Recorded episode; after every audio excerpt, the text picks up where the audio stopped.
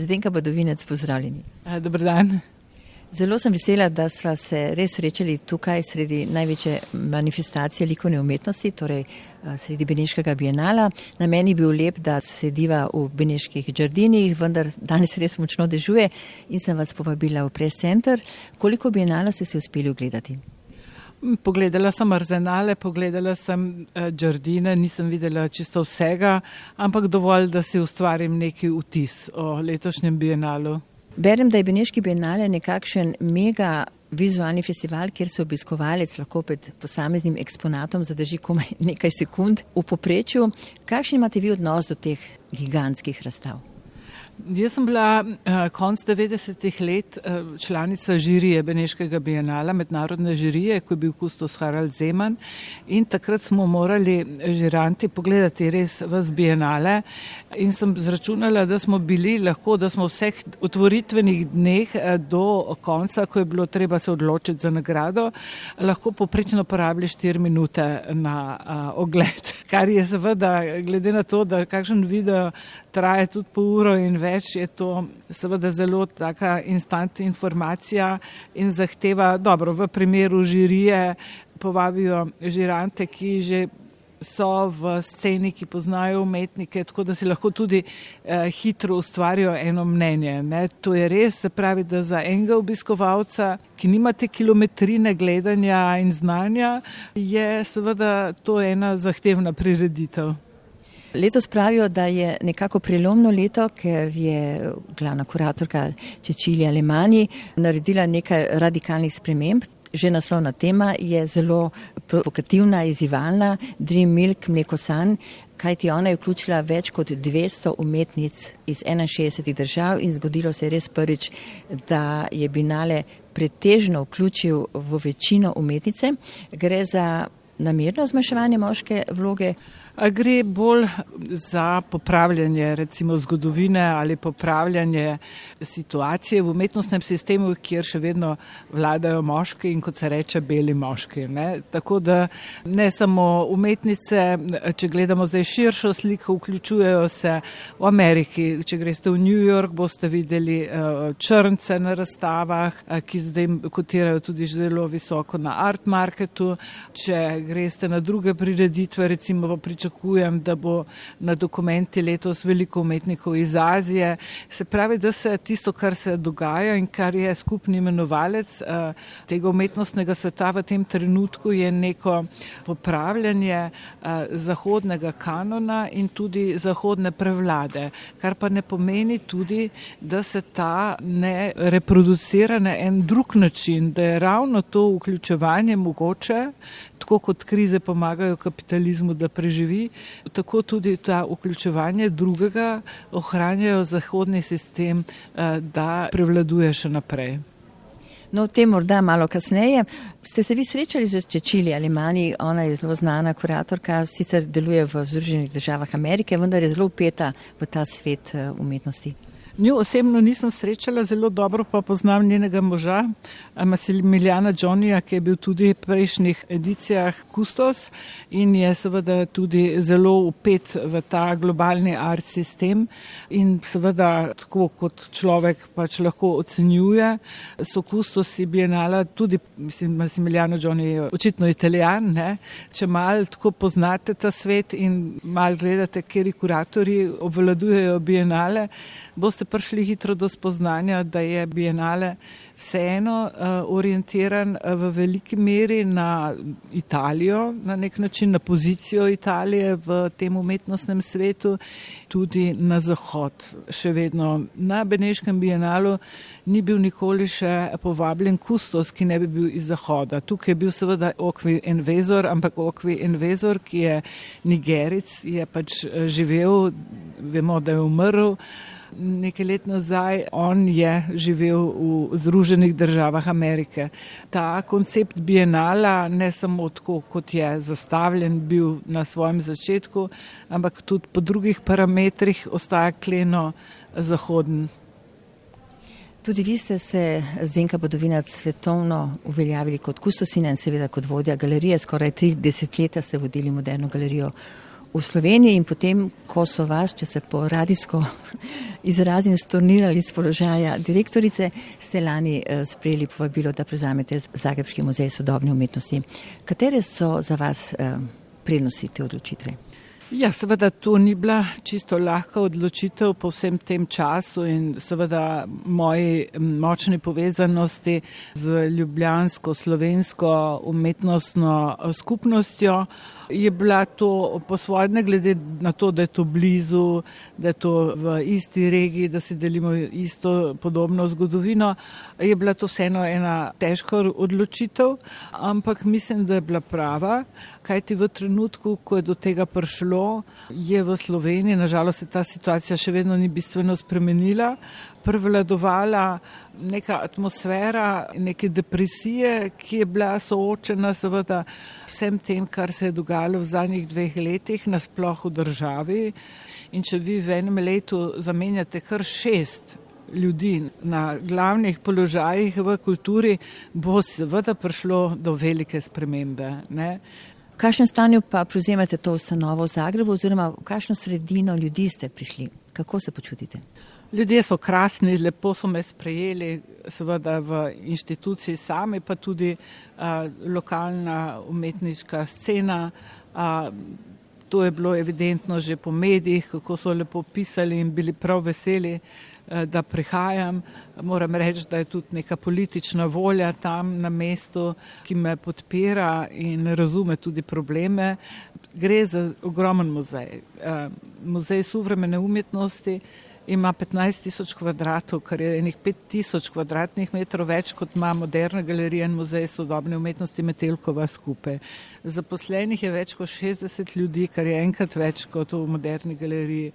Uh, sredstev pa nikaj dosti več. Um, veliko gre za vzdrževanje zgradbe, ki je bila odprta leta 2009. Um, ta zgradba je požrešna v tem smislu, eh, koliko zahteva za elektriko, za vodo, za vzdrževanje, to in ono.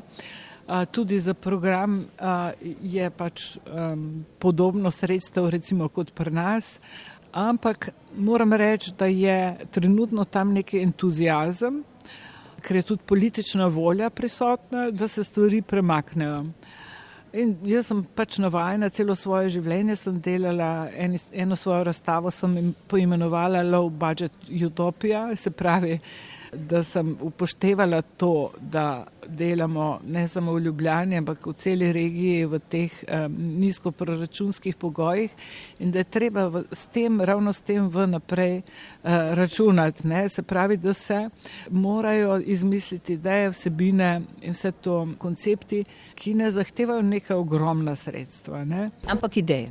To pa, ne, če hočete narediti preboj, morajo biti ideje prisotne. Ne. Morajo biti ideje prisotne, ki niso zanimive samo za tebi ali tvojim kolegom, ampak morajo biti zanimive celemu svetu. Ne. No, tudi Zagrebsko to ustanovo je vodila ženska Snežena Pintarič, letos velja še njen program, ne? pa vendar vi že snujete projekte. Ne? Ja, jaz, ko sem prišla v MSU, je bil ta ogromen muzej prazen. Ne? To mi je bilo precej nenavadno. Malo je bilo to zaradi tega, ker so se ravno razstave menjavale. Je pa tudi res to, da je nekdanja direktorica podrla zbirko in je načrtovala novo postavitev, vendar do takrat se to še ni zgodilo. Seveda jaz kot novi, nova direktorica sem hotela takoj nekaj narediti in sem na to stanje reagirala, plus da sem prišla nekaj dni zatem, ko se je začela vojna v Ukrajini. In potem sem tako dobila idejo, da se te prostore namenjeni stalni zbirki morajo takoj zapolniti in sem povabila kustose, ki so res super, odlično poznajo svoje zbirke, naj pripravijo eh, dela, ki bi se referirala na vojno. Na vojno nasploh vemo, da je bila tudi vojna na Hrvaškem krvava, da so odmevi na to vojno še vedno prisotni in tudi konflikti in tako naprej. Tudi v Sloveniji smo imeli vojno. Kustosi so takoj izbrali dela in mi smo v treh tednih imeli že razstavo. Razstavo, ki smo jo poimenovali po hrvaško tužne pjesme Rata, ki je naslovljena po enem od del Diamantasa Narkevičusa, ki je v zbirki. Zbirka je mednarodna, tako da smo predstavili seveda um, mednarodne umetnike, med Slovenci je Irvin, Vadim Fiškin, hrvaški umetniki, bosanska umetnica Šejla Kamerič, tem slavnim delom tekst referira na grafit, ki so ga nizozemski vojaki pustili v Srebrenici in opisuje bosansko dekle, ki smrdi, ki ima brke, zelo poniževalen grafit ki ga je Šela Kamerič vključila v svoje delo. Ta razstava Tužne pesme Rata je prva v ciklu in jaz sem takoj seveda zastavila tudi cikl razstav iz zbirke, ki bo potekal skozi celo leto. V tem času bomo delali pa koncepte resne stalne postavitve, tako da bo ta cikl služil kot uh, neke vrste laboratorij za to novo postavitev, tako da če je prva razstava povezana z vojno, bo druga razstava povezana z nečim, kar ima bolj predznak nekega popravljanja, nekega zdravljanja in tako naprej. Sliši se zelo zanimivo. Zdenka Bodovinac, ko ste prevzeli vlogo nove direktorice v, Zagrebu, v Muzeju sodobne umetnosti, so vas res mediji postavili na pedestal, super so pisali. Hočem povedati, da pri nas pa sploh ne obstaja ta mednarodni razpis oziroma mednarodni razpisi, kar je posod nekaj najbolj običajnega. Ne? Samo če pogledamo na Dunaj, eh, so vse tri glavne hiše, Burg Teater, Dunajska opera in Filharmonija, vse tri vodijo tujci. Tudi največji in najbolj prestižni Burg Teater vodi koroški slovenec Martin Kušene. Pri nas tega sploh ne poznamo. Ja, samo da vas dopolnim, tudi Kunshale na Dunaju vodi kolektiv, direktorc VHV Hrvatice ki so me tudi mi grede povabili, da delam razstavo. Sanja Ivekovič letos bo tam na programu. Seveda vemo, da je bila pred kratkim tudi izbrana Andreja Hribernik za Kunsthaus v Gracu in na to sem seveda zelo ponosna, kajte Andreja Hribernik je začela svojo kariero v moderni galeriji in so še zdaj zelo dobri prijateljci in si tudi obetava zdaj sodelovanje med Gracom in Zagrebom. Zdenka Bodovinac, k prvemu delu pogovora bova zdaj dodali glasbo. Kaj ste izbrali? Paraf je reška skupina, ki je začela v 80-ih letih. Paraf dosta. Izvana dolazi novi strah, v nama raste drugi bor. Sledi drugi del pogovora z nedeljsko gostjo Zdenko Bodovinac. Ko so se zadnji srečali v Ljubljani, ste prihajali iz Dunaja.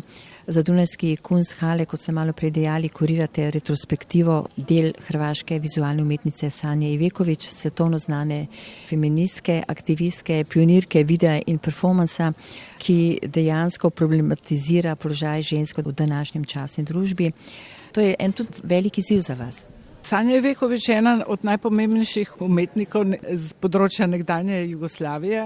O tem pričajo um, njena dela, ki so vključena v, v zbirke glavnih svetovnih muzejev, kot je MoMA, kot je Reina Sofija, kot je TED Gallery. Vsi ti muzeji imajo njena dela. Sanja Vekovič je tudi umetnica, ki je bila vključena največkrat v najpomembnejšo svetovno razstavo dokumenta. Po pojavlja se na vseh glavnih razstavah in tudi na trgu, moram reči, celo ne.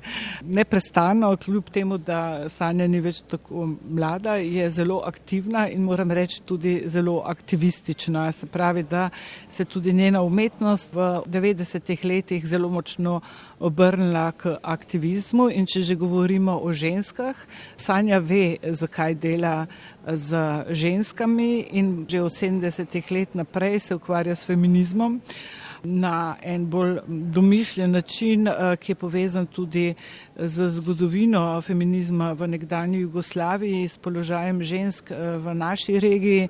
Temu sledi v bistvu od druge svetovne vojne eh, naprej. Sanjina mama Nera Šafarič je bila aktivna v antifašističnem boju v drugi svetovni vojni in zato je bila tudi odpeljana v Auschwitz. Ikonično delo iz leta leta 2000 Gen XX um, prikazuje uh, serijo plakatov, kjer so upodobljene svetovno znane manekenke. Uh, med njimi je tudi ženska v belih hlačah z sklonjeno glavo, ki nekako ne odstopa dosti od drugih maneken, kot je Linda Evangelista in podobno. Ampak to je njena mama, ta mama, ki je bila v Auschwitzu in pod vsemi temi manekenkami je tekst, ki se povezuje z usodo heroin iz druge svetovne vojne, kot je Nada Dimič, kot je ta mama. Sanjina naloga v tem kontekstu je, da ozavešča mlade punce, ki danes dosti več ne vedo o tej zgodovini, o ženskah, ki so se borile tudi za njihovo svobodo, za njihovo emancipacijo. Ta razstava, ki jo pripravljam, to je retrospektivna razstava, vendar pa ima ta neki aktivistični naboj še vedno in bo tudi Sanja pripravila en poseben performance o potvoritvi. Razstavo bo pa spremljala tudi publikacija pesmi njene mame, kjer bo eh, Sanja naredila ilustracije in neke kolaže. Oktober bo otvoritev na Dunaju in potem v začetku drugega leta se razstava seli v Zagreb. Zdaj pa Zdenka, zakaj sem želela, da bi se srečali prav v Beneških vrtovih oziroma v Benetkah na tem bienalu. Ideja je bila simbolična kot uh, neka panorama med Rimom, Zagrebom in Dunajem. Seveda imate še veliko drugih dejavnosti in veliko odgovornega in kreativnega dela še kje druge. Pa vendar Rim, muzej sodobne umetnosti Maxi, kjer ste bili glavna kuratorka razstave, večje od mene, junaški glasovi iz nekdanje Jugoslavije, je tudi nekako ta razstava zaznamovala vaš ustvarjalni čas. Ja, in moj odhod iz moderne galerije in iz Ljubljane, moram reči tudi. In na tej razstavi je min gredev tudi bilo vključeno ravno to delo Gen XX Sanja Ivekovič. Čisto kot referenca na razstavi je bilo veliko tudi slovenskih umetnikov, največ v bistvu ne, od vseh ostalih. Ampak zakaj je bila ta razstava tako napačno razumljena? Ker so hoteli tako razumeti to razstavo. Ta razstava ni bila težka za razumeti in je posvečena bila teritoriju nekdanje Jugoslavije z vprašanjem, seveda, kaj ta teritorij lahko ponudi danes. Sodobni umetniki s sedanjimi deli so bili predstavljeni na razstavi. Tudi zelo veliko mladih umetnikov. Kako ti umetniki čutijo svojo sedanjost, pa tudi preteklost, ki se tiče sedanjosti. Ne? Kaj lahko oni svetu, globalnemu svetu, ki ga obvladujejo velike krize, vemo, da gremo iz ene katastrofe v drugo. Se pravi, da v času, ko smo temi neprestanimi pritiski, se ljudje, umetniki iz tega teritorija sprašujejo, kaj se lahko mi iz naše konkretne zgodovine naučimo, da lažje oblikujemo odgovore na krize današnjega časa. Ne? No, ampak ta zgodovina dediščine iz prostorov bivše Jugoslavije je še kako dragocena. Vse lahko spremljamo znamenite svetovne razstave. Veliko več pozornosti celo doživlja zunaj, ne, kot znotraj prostora bivših jugoslovanskih republik. No, o tem priča tudi njujorška razstava, konkret Utopija, ki jo je pripravila njujorška moma modernistično arhitekturo iz področja nekdanje Jugoslavije, kjer jo v nekaterih prostorih tudi zelo mačehovsko obravnavajo, ravno zato, ker je nastala v času nekdanje Jugoslavije, si mislite. Predstavljeni so tudi partizanski spomeniki, ker se v svetu smatra, da so bili partizanski spomeniki na teritoriju Jugoslavije res neke posebnega. To so bili ne socrealistični spomeniki, kot bi si kdo mislil, ampak tisto, kar zbuja svetovno pozornost, pozornost svetovne javnosti, je dejstvo, da so bili ti spomeniki narejeni v neki visoki modernistični maniri in da so funkcionirali kot nekaj med arhitekturo in uh, skulpturo. Ja, partizanski spomeniki so bili narejeni tako, uh, da so vabili ljudi, da so se tam zbirali in imeli tudi neke svoje kulturne programe. Sodobna umetnost se danes ukvarja veliko s temi vprašanji skupnosti, kako umetnost in uh, ljudi približati. Se pravi, Gre za teme, ki jih je odpirala tako recimo partizanska umetnost v vojni in tudi umetnost na področju nekdanje Jugoslavije v času uh, socializma. Ne vem, zakaj bi nas bilo sram te dediščine, ne, se ni bilo vse samo slabo, ta sistem seveda je imel veliko Eh, problemov, strašno bil birokratiziran, eh, imeli smo goli otok, eh, imeli smo to in ono, ampak bilo je tudi veliko dobrih stvari, ne, od katerih se lahko danes marsikaj naučimo in so tudi, moram reči, zelo inspirativni za mlade umetnike na področju nekdanje Jugoslavije. Jaz sem prepotovala vsa ta mesta. Zanimanje za to dediščino obstaja še zlasti med mladimi umetniki. Do najnega naslednjega oglašanja z Beneškega binala poslušamo glasbo po izboru nedeljske gostje Zdenke Badovinec.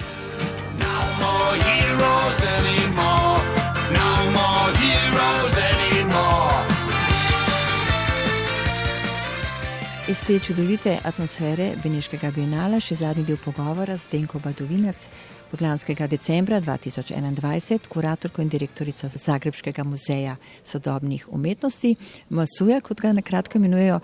Zdenka, vi ste študirali umetnost za zgodovino. Ali ste že od vsega začetka razmišljali o tem, da bi bila kustos, da bi delovali v galerijskih prostorih, muzejih, da bo umetnost tista, ki bo vaše življenje? Ja, ko sem štu, uh, začela študirati uh, umetnostno zgodovino, sem si želela uh, delati s sodobno umetnostjo. Vsekakor ni me toliko privlačila recimo umetnost starejših obdobij, čeprav smo jo na faksu imeli veliko in še vedno grem rada gledati, sploh v Italiji. Že med faksom sem hodila sem veliko potovala po Italiji in si ogledovala uh, renesanso, barok in vse te stvari, um, fantastične. Vendar je moje srce bilo vedno pri sodobni umetnosti, zelo rada sem se družila z umetniki, tako takrat, ko sem se prijavila na razpis za kustosa v moderni galeriji, to je bila sreča za mladega človeka, da se tako mesto sploh odpre v ta pravem trenutku. Takrat sem se malo ustrašila, ne samega dela, ampak dejstva, da bom delala v muzeju. Takrat sem si predstavljala, da je muzej res nekaj zaprašenega in da ne bom imela stika z umetniki moje generacije, z sodobnimi umetniki sploh. No, tako da potem, ko sem začela delati v moderni galeriji, sem se seveda najprej lotila dela sodobno umetnostjo in eh, mislim, da sem prispevala kar veliko že na samem začetku k temu, da se moderna galerija, ki je bila mogoče malček eh, preveč zaprta do eh, sodobne umetnosti še v tistih časih, da se je odprla. No, ampak vaš galerijski prostor ni samo galerija Ljubljana, vi ste zelo razpeti v tem, bom rekla, tudi svetovnem umetniškem miljeju in ste tudi ena od soustanoviteljic, morda tudi pobudnic, to ne vem, platforme Internacionala, ne? Ja, sem pobudnica internacionale. Leta 2010 se je internacionala zgodila v Ljubljani. Jaz sem povabila nekatere svoje kolege iz evropskih muzejev in jim predlagala sodelovanje na, na prijavi za, za evropski kulturni program. In potem, to je dolga zgodba, prvič, ko smo konkurirali, nismo dobili sredstev z obrazložitvijo, da ni dobro opredeljeno sodelovanje med nami, da vsebinsko je sicer bilo to vse ok, ampak sam način, kako sodelujejo inštitucije, pa da ni bil uh, dovolj razložen. In potem mi je klikalo, da je danes v bistvu vsebina tako rekoč enaka načinu dela. Se pravi, vprašanje, kako delamo, je postalo vprašanje, s katerim se umetnost eh, ukvarja že od 60-ih let naprej.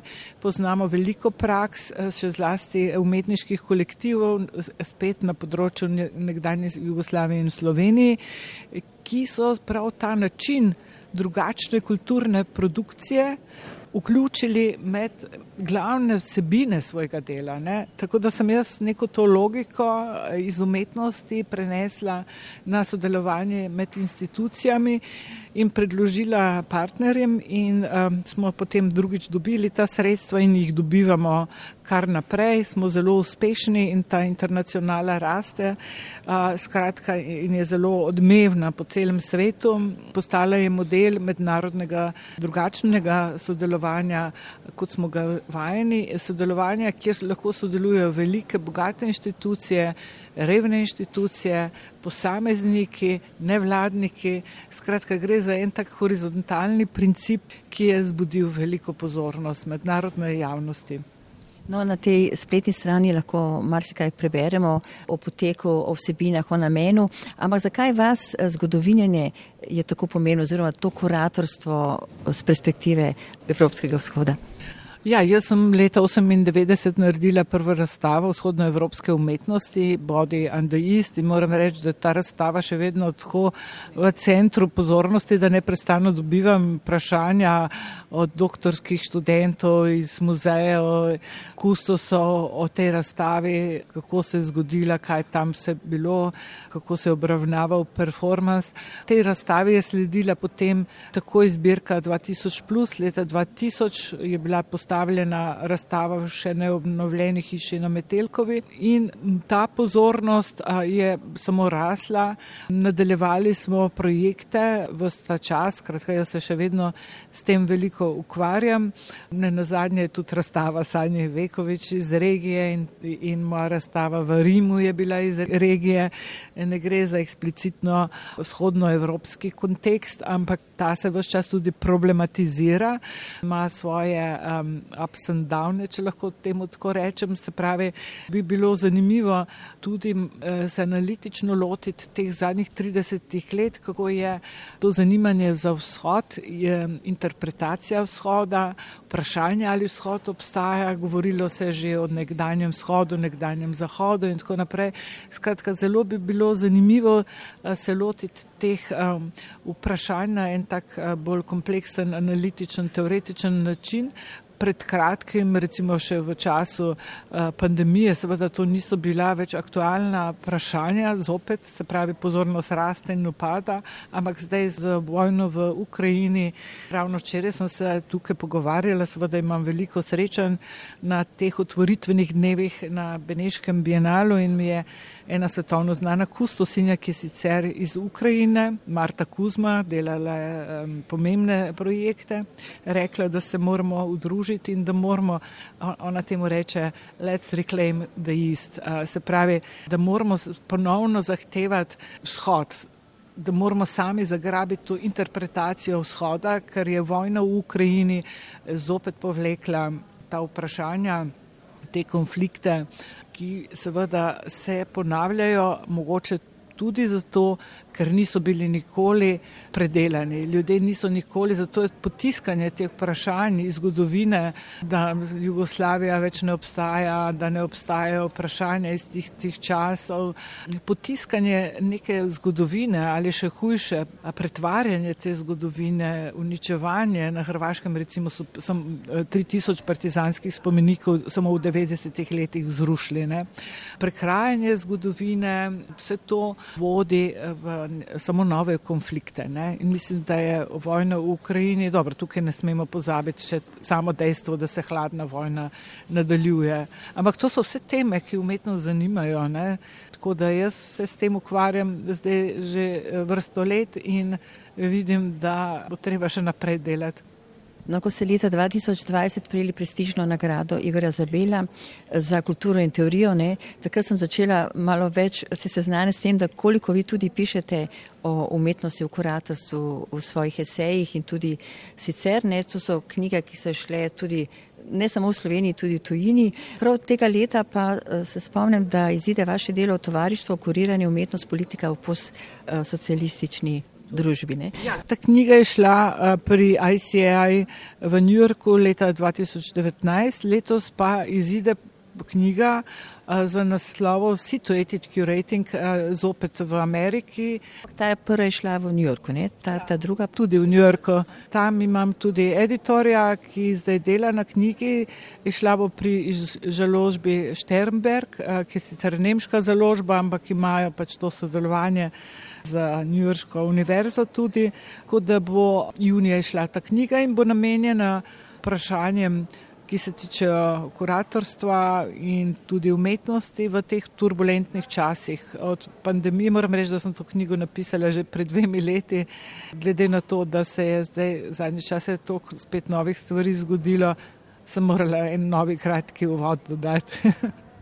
No, tega je toliko, da res ne vem, če bi zdaj samo naštevali, ne, bi šlo veliko časa. Vi ste v času svojega direktovanja moderne galerije bili upeti v najrazličnejše asociacije, neke platforme, tukaj je še Simam. To je bil mandat treh let, vendar vam je vzel veliko časa in energije. Ja, Simam je mednarodna svetovna organizacija profesionalna muzej moderne in sodobne umetnosti. In jaz sem bila predsednica tri leta in takrat sem Simam pripeljala, se pravi, Simon deluje skozi neke letne konference. Ena od teh letnih konferenc je bila leta 2011 v Ljubljani, tik pred otvoritvijo muzeja sodobne umetnosti Metelkova. Vedno pride 150 do 200 eh, direktorjev iz vseh svetovnih muzejev in ti so bili v Ljubljani in takrat so bili priča rojstvu nove inštitucije. No, zdaj bi vas pa rada nekaj vprašala, vprašanje, ki sicer zveni zelo klišejsko, ne, ampak vendarle bo marsikoga to zanimalo. Morda to, kateri mladi avtori so vas v zadnjem času najbolj presenetili, oziroma vprašanje, kaj se v bistvu danes dogaja v svetu umetnosti, v tem ekološkem in vojnem stresnem svetu. Veliko tega ste že povedali, vendar zdaj, ko tudi hodite po teh raznih manifestacijah, eh, galerijah, ko se družite, rekli ste, da ste šli pogledati marsi eh, katere eh, umetnike, se z njimi srečevali, o tem pišete. V bistvu, kaj je to danes umetnost, komu je namenjena? Um, če ste pač opazovali uh, obraze številnih obiskovalcev uh, in obleke, po oblekah se pač da ugotoviti, kaj so ljudje, kakšna je njihova profesija, kateremu razredu pripadajo. Recimo, boste ugotovili, da je večina obiskovalcev um, Beneškega bienala in to so tudi obiskovalci muzejev običajno, da pripadajo uh, temu samemu svetu umetnosti. Se pravi, da gre za umetnike, kustose, kolekcionarje, muzealce, novinarje.